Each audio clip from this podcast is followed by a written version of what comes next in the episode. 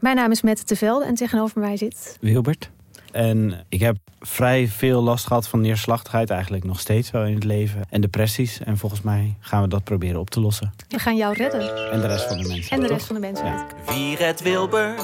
Dat is de vraag. Wie helpt hem bij de kwesties en problemen van vandaag? Luister naar Wie redt Wilbert en de rest van de mensheid. Een podcast van de VPRO voor NPO Luister. Kijk, de Jordaan. Daar ben ik geboren en getogen. De nieuwe Nederlandse musical Onze Jordaan van Diederik Ebbingen is dit najaar in de theaters te zien. Koop nu uw kaarten op onzejordaan.nl. Leuk toch? Hallo, dit is de wekelijkse podcast van de Groene Amsterdammer. Ik ben Kees van der Bos.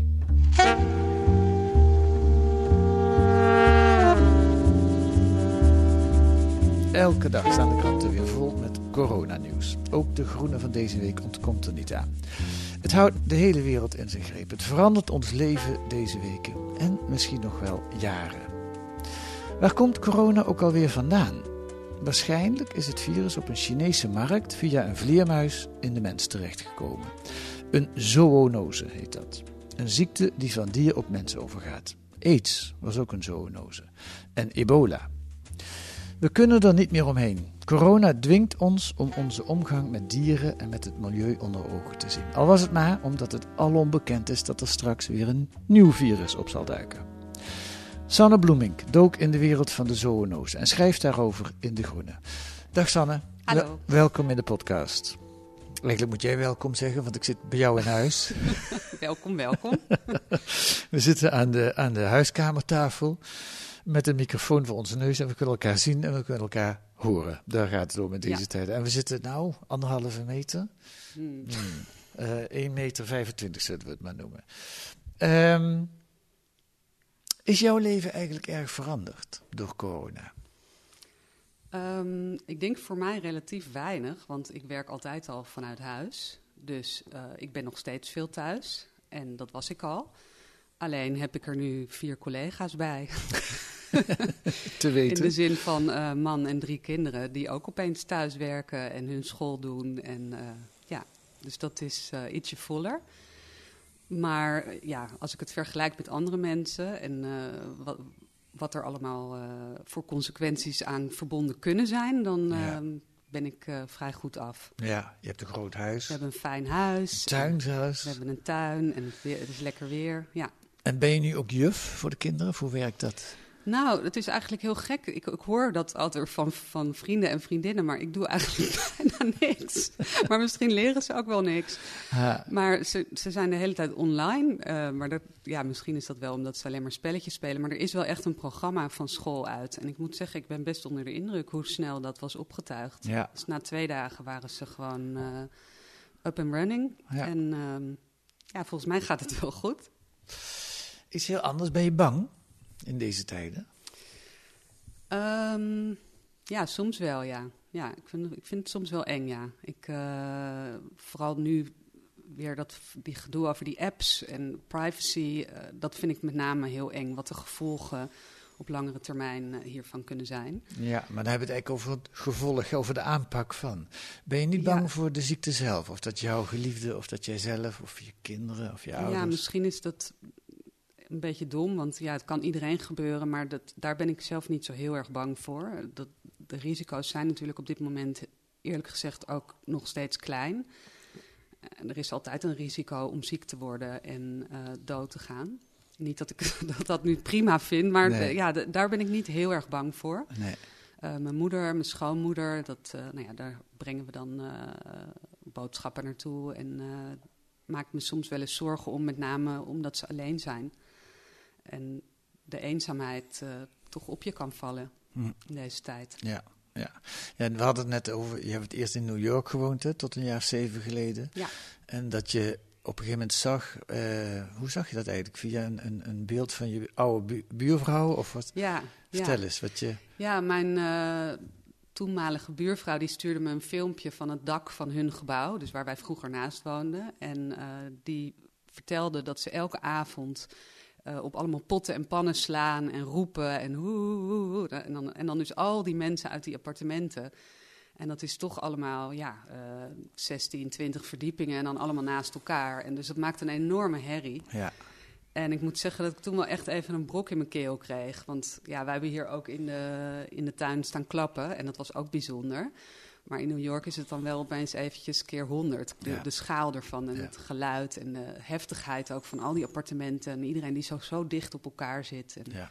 ja. Je realiseert je dan ook, wat in Nederland ook wel het het geval is, maar daar nog meer, hoeveel mensen er geen tuin hebben, binnen zitten Ja. met veel mensen, eh, Ja. kleine, kleine leefruimte. Ik kende niemand met een tuin toen ik in New York woonde.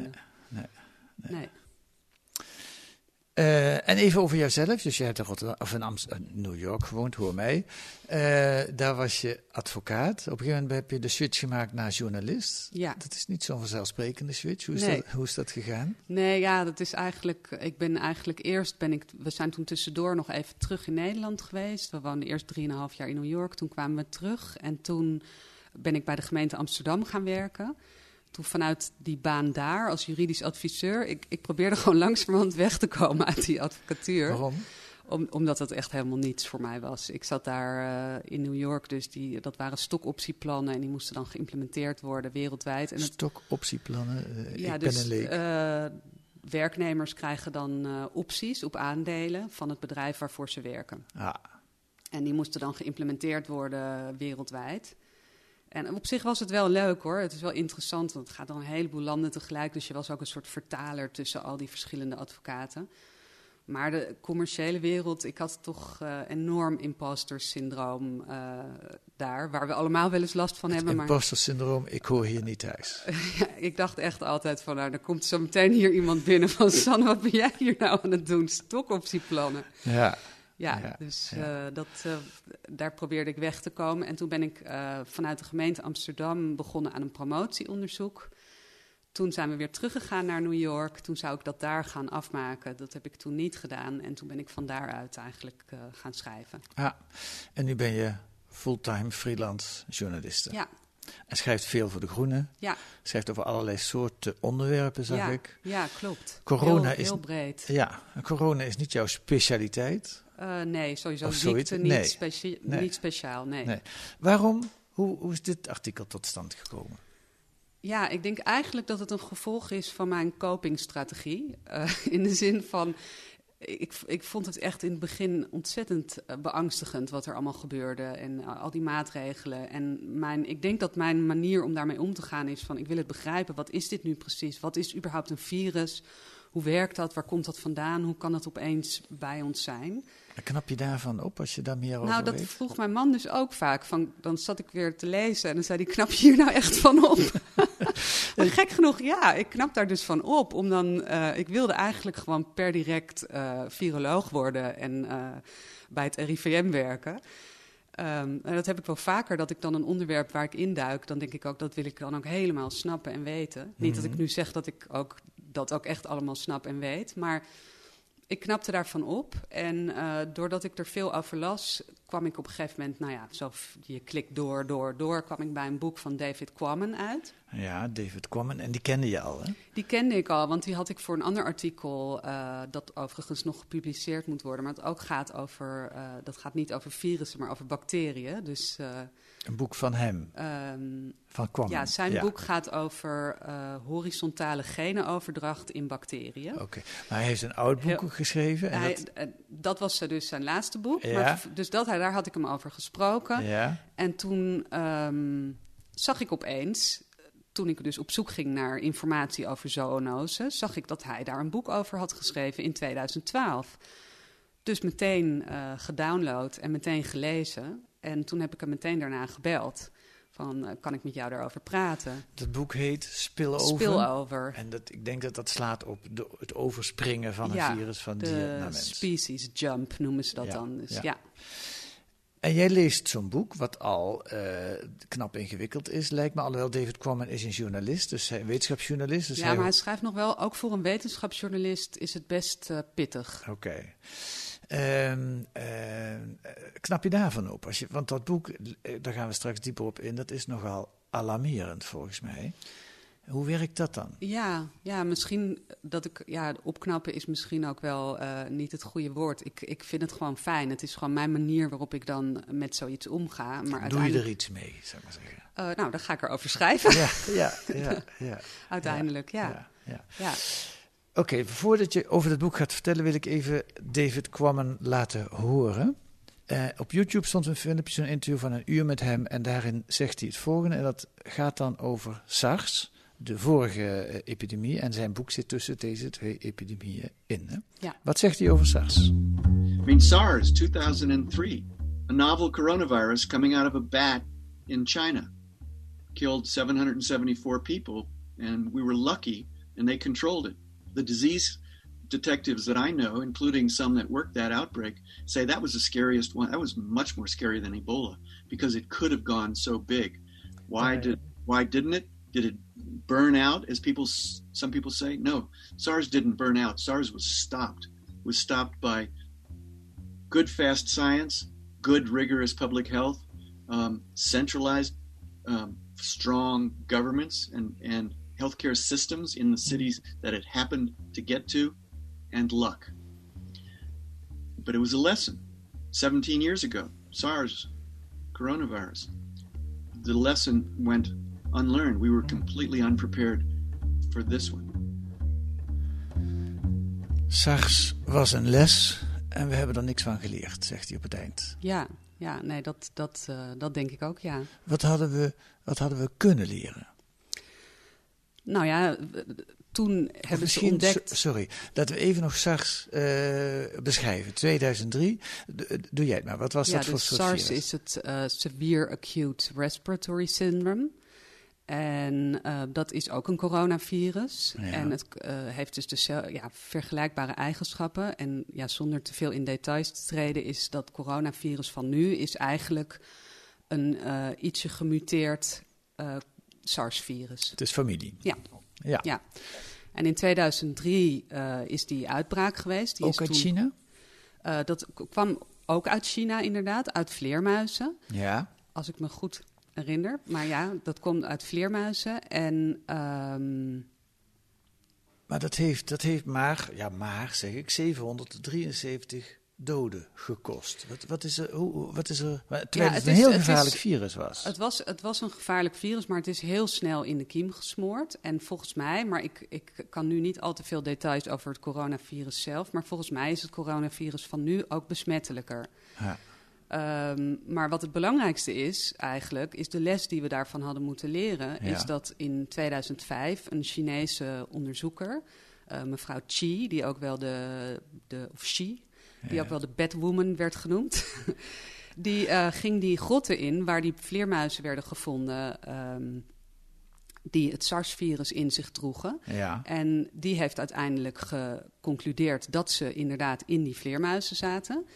Eh, in 2005 is ze daarachter gekomen. Dus en daarna, to- toen de SARS-virus alweer gedoofd toen was het SARS-virus alweer gedoofd. Ja. Toen is ze daarachter gekomen en toen is ze verder op onderzoek gegaan. In diezelfde grot heeft ze jarenlang met allerlei andere onderzoekers eh, de uitwerpselen van vleermuizen bestudeerd. En is ze erachter gekomen dat er allemaal andere coronavirussen ook in die, in die vleermuizen zaten. ja. Die eveneens ehm, op mensen konden overspringen. Dus die menselijke cellen kunnen binnendringen.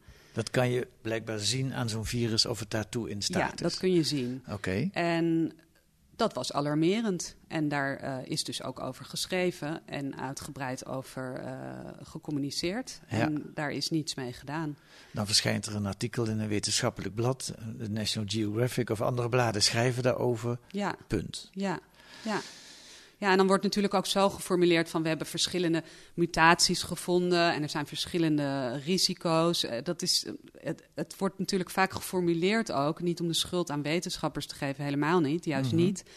Maar het wordt vaak natuurlijk geformuleerd in de zin van risico's en dat is het ook. Ja. Het, het gaat ook altijd om statistiek en om risico's. Ja. En eh, wij, wij hè, de, de mensheid, heeft er eenmaal heel veel moeite om om te gaan met dat soort risico's, zolang ze zich niet direct voordoen en ze niet direct op ons bord liggen. Ja. ja, je mag hopen dat het nu door deze ervaring anders is. Maar, maar zeker weten doe je het ook niet natuurlijk. Als dit voorbij gaat, wie weet. Uh, maar daarom wil ik even terugkijken naar wat hadden we kunnen leren. Stel dat we uit het onderzoek van die mevrouw Xi in die, in die grotten en, en, haar wetenschappelijk artikel had ons gealarmeerd. Want die zijn nu alom duiken ook dat soort artikelen op. Mensen die al lang gewaarschuwd hebben, dit gaat nog een keer gebeuren. Ook niks bijzonders. Roel. Coutinho twee weken geleden in Buitenhof. Maar heeft ook al veel eerder gezegd. Ja. Nou ja, uh, ach, het kan ook nog een keer gebeuren. En dan leven we weer verder. Wat, um, wat hadden we kunnen doen om ons daarop voor te bereiden? Nou ja, kijk, in eerste instantie gaat het, uh, is het heel praktisch dat die vleermuizen gewoon nooit op zo'n wet market, op zo'n markt in China waar levende dieren worden uh, verhandeld, dat dat natuurlijk nooit moet gebeuren. En dat kun je de Chinese overheid heel duidelijk aanrekenen. Ja. En sowieso die wet markets, nou ja, dat is weer een heel onderwerp apart, maar dat, dat is sowieso heel risicovol. Um, maar er zitten natuurlijk ook allerlei culturele en sociale aspecten aan. Maar veel algemener denk ik dat we kunnen leren, is dat uh, op het moment dat wij een ecosysteem aantasten en uh, de biodiversiteit daardoor omlaag gaat, dus er minder verschillende soorten zijn, doordat we bijvoorbeeld een tropisch regenwoud kappen.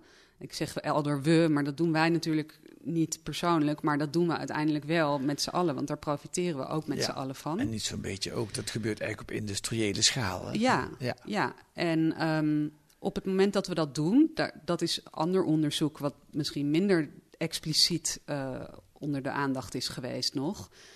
Op het moment dat we dat doen, dan verhogen we daarmee het risico op zo'n species jump. Dus op een jump van een uh, dier naar een mens van een virus. Dat las ik ook in jouw verhaal en dat snap ik niet. Hoe, hoe kan dat? Hoe kun je door dus slecht om te gaan met het milieu, zo vat ik het maar even samen, hoe werkt dat dan dat je een, uh, uh, in de hand werkt dat een virus van een dier naar een mens springt? Ja, nou ook dat is weer een kwestie van statistiek en van kansberekening. Want in een tropisch regenwoud heb je ongelooflijk veel verschillende soorten. En daar zitten altijd, er zijn 300.000 verschillende virussen. En daar zitten, zijn ook niet allemaal uh, ziekteverwekkende virussen, maar er zijn ook een heleboel ziekteverwekkende virussen. En die zitten dus, die leven in al die verschillende soorten. En dat is door miljoenen jaren evolutie, uh, leven die daar meestal in een soort van evenwicht. Die zijn in balans. Dus bijvoorbeeld die coronavirussen die in die uh, hoefijzervleermuizen uh, zitten, ja. die, die zitten daar gewoon. En daar heeft het vleermuis zelf ook helemaal geen last van. Dus die, die hebben daar een soort evenwicht gevonden. Maar op het moment dat er veel minder soorten in een, uh, in een gebied leven, waar, waar normaal heel veel verschillende soorten leefden. En op het moment dat je bomen omkapt, planten weghaalt, schimmels weghaalt en de hele grond omwoelt om daar bijvoorbeeld een, uh, een akker van te maken, dan blijven die virussen bestaan. Die zijn minuscuul en die moeten ergens heen.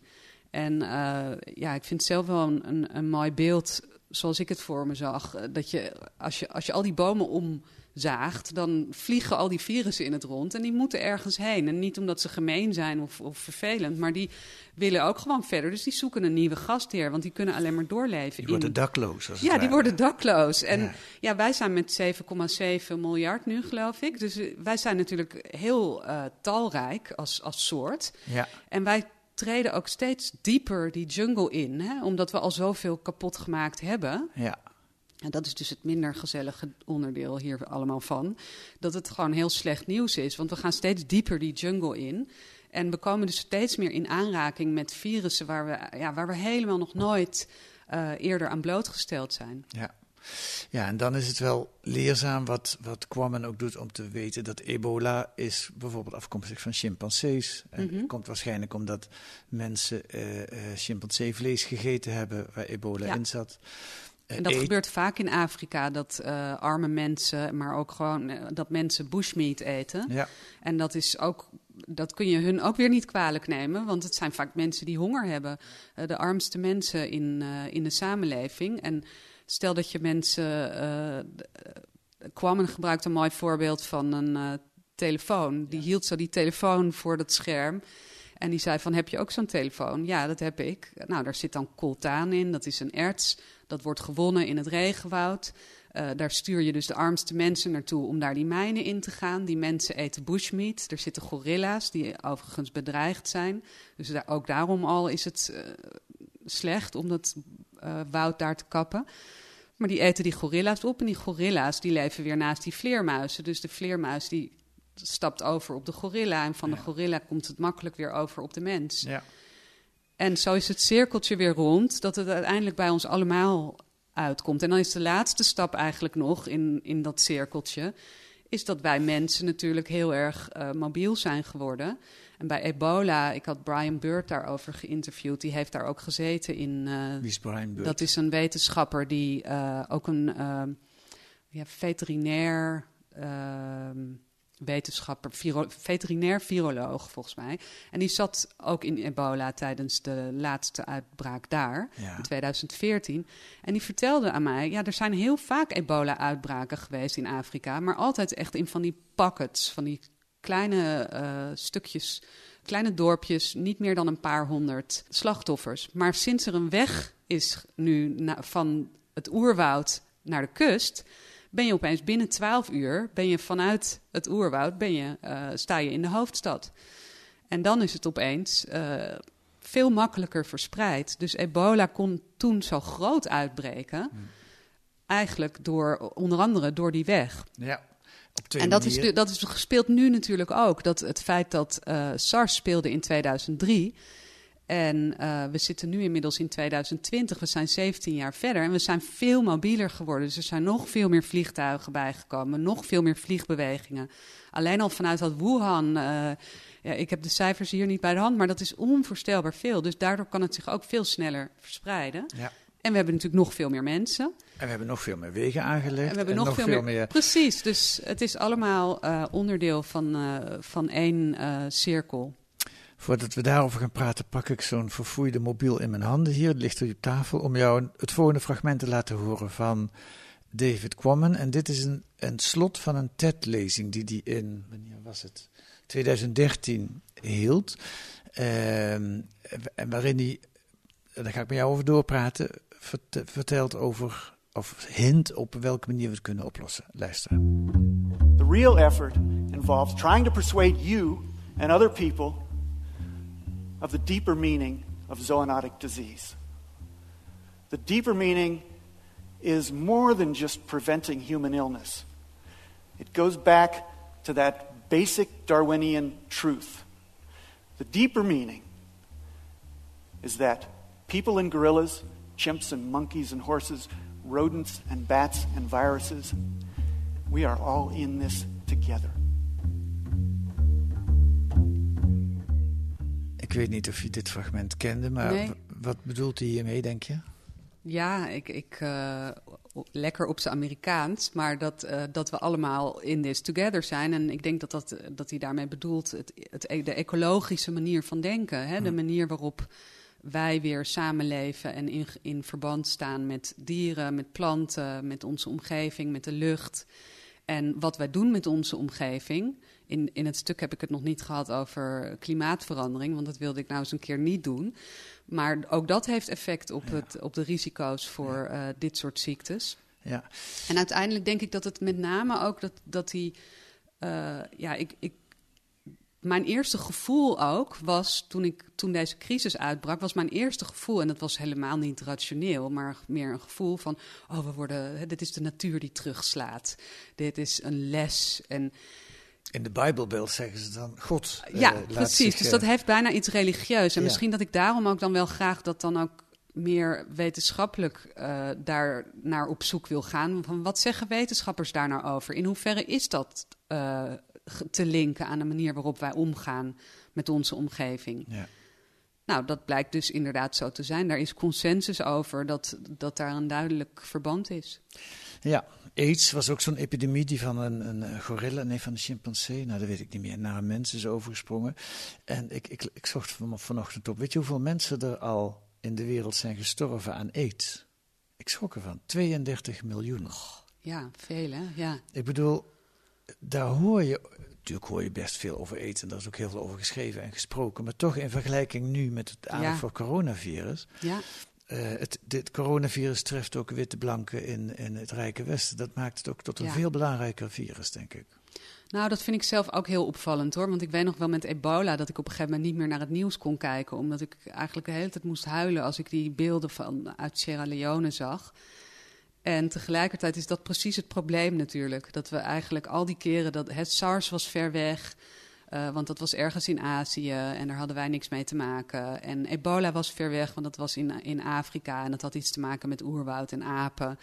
En nu uh, is het heel acuut, in, letterlijk direct in ons ja. leven gekomen. Ja, het zet ons leven stil, letterlijk. Ja, en wat ik zelf heel bijzonder daaraan vind, is dat je vaak als je praat over uh, de, de, manieren waarop we omgaan met het, onze omgeving, en dan heb ik het over uh, biodiversiteit, uitsterven van soorten en klimaatverandering, dan zijn die gevolgen altijd zo op de lange termijn. Ja. Het is altijd heel ver weg en het is niet direct, het raakt niet direct jou en uh, het komt langzamerhand wel dichterbij, maar toch. En dit is opeens ik vind het heel gek wat er gebeurt nu met de tijd. Want aan de ene kant staat alles stil. En aan de andere kant lijkt alles voor corona opeens een, ja, een hele ander, een heel ander tijdperk. Ja. Ja. Dus het is een hele, heel, iets heel geks wat er met de tijd gebeurt. En ik denk dat, ja, ik hoop uh, oprecht dat dat een, kan worden aangegrepen om inderdaad daadwerkelijk daar iets mee te doen en Ja. daar uh, een les uit te trekken. Nou, laat ik tot slot daar nog één vraag aan wijden. Want dat is wel, kijk, het, het, het, ik snap die boodschap van David Quammen. Ik snap ook hoe jij dat, uh, je legt het goed uit in je artikel. Dus dat, uh, dat kan ik ook goed begrijpen. Maar tegelijkertijd word ik een beetje moedeloos van. Ja, Hè, want ja. het komt er een beetje op neer eigenlijk dat we onze hele levenswijze moeten veranderen. En dan, we moeten voorzichtiger met het milieu omgaan. We moeten niet meer het regenwoud blijven kappen. Ja, Ja. ik, ik zou de, we Ja. moeten allemaal op de Partij voor de Dieren gaan stemmen. Maar zou dat Ja, gebeuren? Nou, ik denk zelf dat er eigenlijk, en ik, ik ga nu even tegen mezelf optimistisch praten, hè, want ik denk eigenlijk heel vaak zo, zoals wij- jij. Oké, nou, word eens optimistisch. Dan kunnen we Ehm, misschien ik meeliften. moet mezelf eh, af en toe ook zo moed inpraten. Maar ik denk dat er ook heel veel te winnen is. Want ik denk dat er, eh, dat, en dat zie je nu ook wel. En ik wil niet verplicht nu eh, weer van we moeten allemaal dit als een grote kans zien. Want hè, het is niet allemaal, niet elke tegenslag is ook een Het kans. is wel heel Amerikaans. om dat te Ja, dat Ja, is het ook. ja. Daar ben ik me van bewust. Ja, Maar ik denk wel dat het. eh, Uiteindelijk denk ik toch wel dat we dit zouden kunnen aangrijpen om na te denken over wat je echt belangrijk vindt. Wat is nou echt belangrijk voor mensen? Wat, wat is van waarde? En ja, dat is inderdaad eh, aan de ene kant deprimerend, want dat wordt allemaal heel moeilijk. En als je kijkt naar eh, Trump en naar eh, Bolsonaro, de- al die, hè, er gebeurt natuurlijk van alles wat helemaal niet hoopgevend is. Dus ja, vandaar dat ik soms ook wel. eh, ehm, het lukt je niet helemaal om Nee, het lukt me niet praten. helemaal. Nee, sorry. nee, maar ik, ik geloof wel, ik, ik heb wel het idee, en dus Ja. je ziet ook wel, mensen praten er ook wel over, en, en ik lees er ook wel over, dat toch veel mensen ook op een bepaalde manier dit een soort rustpunt vinden. Van ik heb het nog nooit zo rustig gehad, ik heb nog nooit zoveel tijd voor mijn gezin gehad. Eh, ik kan de vogeltjes weer horen. En ik denk zeker niet dat dit een situatie is waar we voor altijd naartoe moeten willen. Maar ik denk wel dat er heel veel te winnen is op het moment dat we op een andere manier omgaan met onze omgeving. En ons meer bewust zijn van onze eh, plek daarin. Goed, dat lijkt me weer stof voor een heleboel andere artikelen. Eh, Sanne Bloeming, dankjewel voor de toelichting. Dankjewel.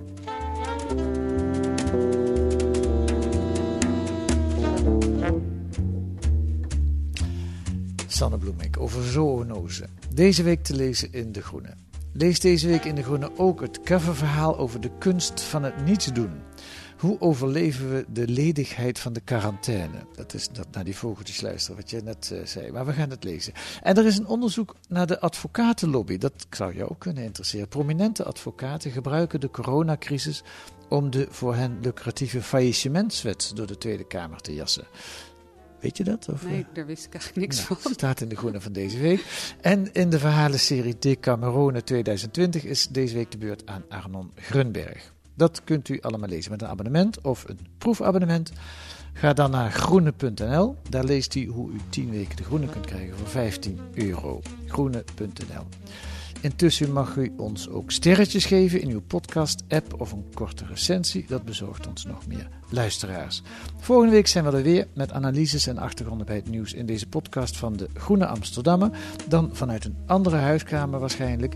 Deze week werd de podcast gemaakt door Daan Stoop en Kees van der Bos. En de muziek is A Tune for N van Paul van Kemenade.